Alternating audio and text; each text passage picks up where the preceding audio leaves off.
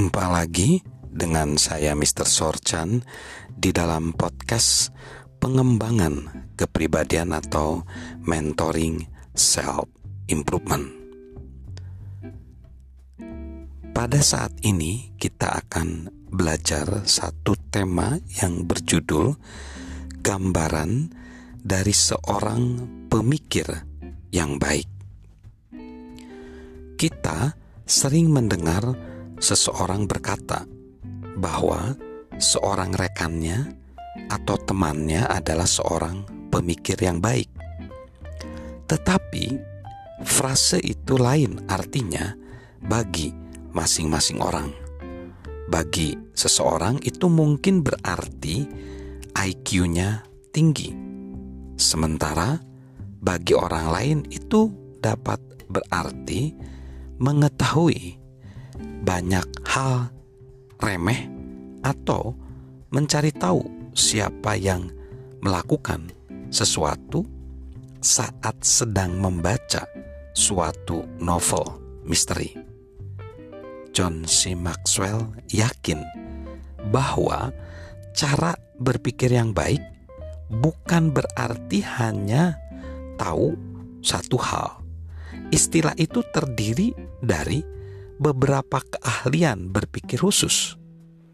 Menjadi seorang pemikir yang baik berarti mengembangkan keahlian itu sampai semampu kita. Tidak masalah, entah kita dilahirkan kaya atau miskin, tidak masalah, entah kita memiliki pendidikan kelas 3 SD atau ijazah S3.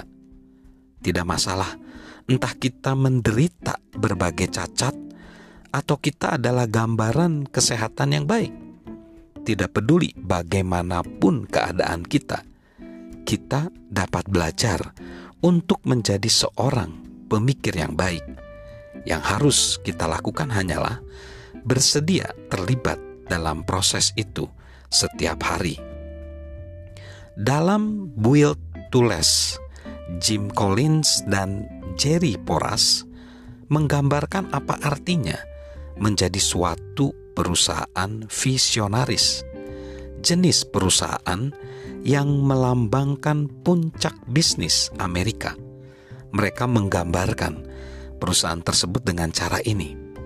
Sebuah perusahaan visionaris sama seperti suatu karya seni yang luar biasa Pikirkanlah tentang lukisan Michelangelo dari kitab kejadian atau Genesis di langit-langit kapel Sistine.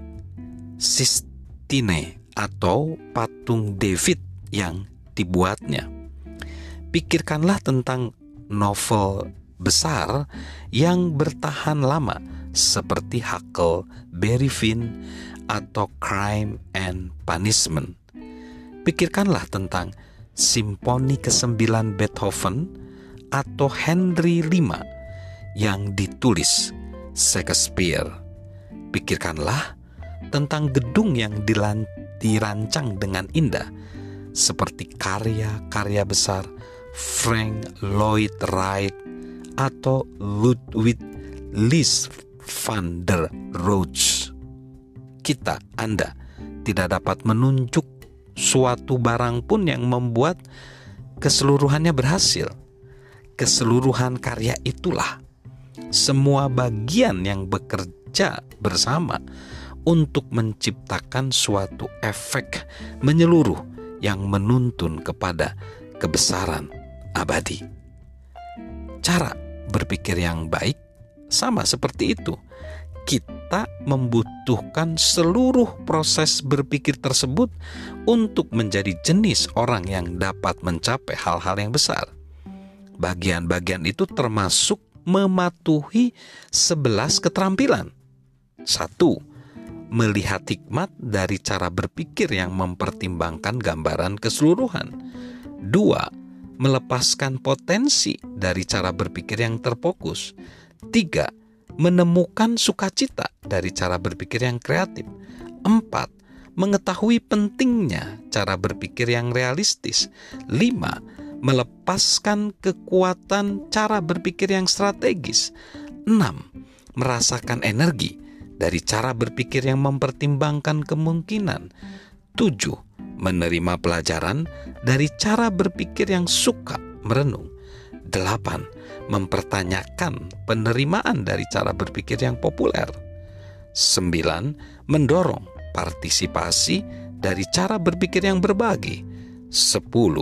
Mengalami kepuasan dari cara berpikir yang tidak egois. 11. Menikmati kembali cara berpikir yang membuat kesimpulan. Sementara kita belajar daripada 11 set atau keterampilan yang didedikasikan pada setiap cara berpikir itu, kita akan menemukan bahwa semua itu tidak mencoba memberitahu kita tentang apa yang harus dipikirkan, tetapi bagaimana harus berpikir. Sementara kita semakin mengenal setiap keterampilan itu, kita akan menemukan bahwa beberapa dapat kita lakukan dengan baik, yang lainnya tidak. Belajarlah untuk mengembangkan setiap jenis cara berpikir itu, dan kita akan menjadi seorang pemikir yang lebih baik. Kuasailah semua yang dapat kita pelajari, termasuk proses cara berpikir berbagi yang menolong kita untuk melengkapi bidang-bidang kelemahan kita, maka kehidupan kita akan berubah. Salam untuk menjadi seorang pemikir yang baik. Salam sukses luar biasa, salam sehat selalu dari saya, Mr. Sorchan.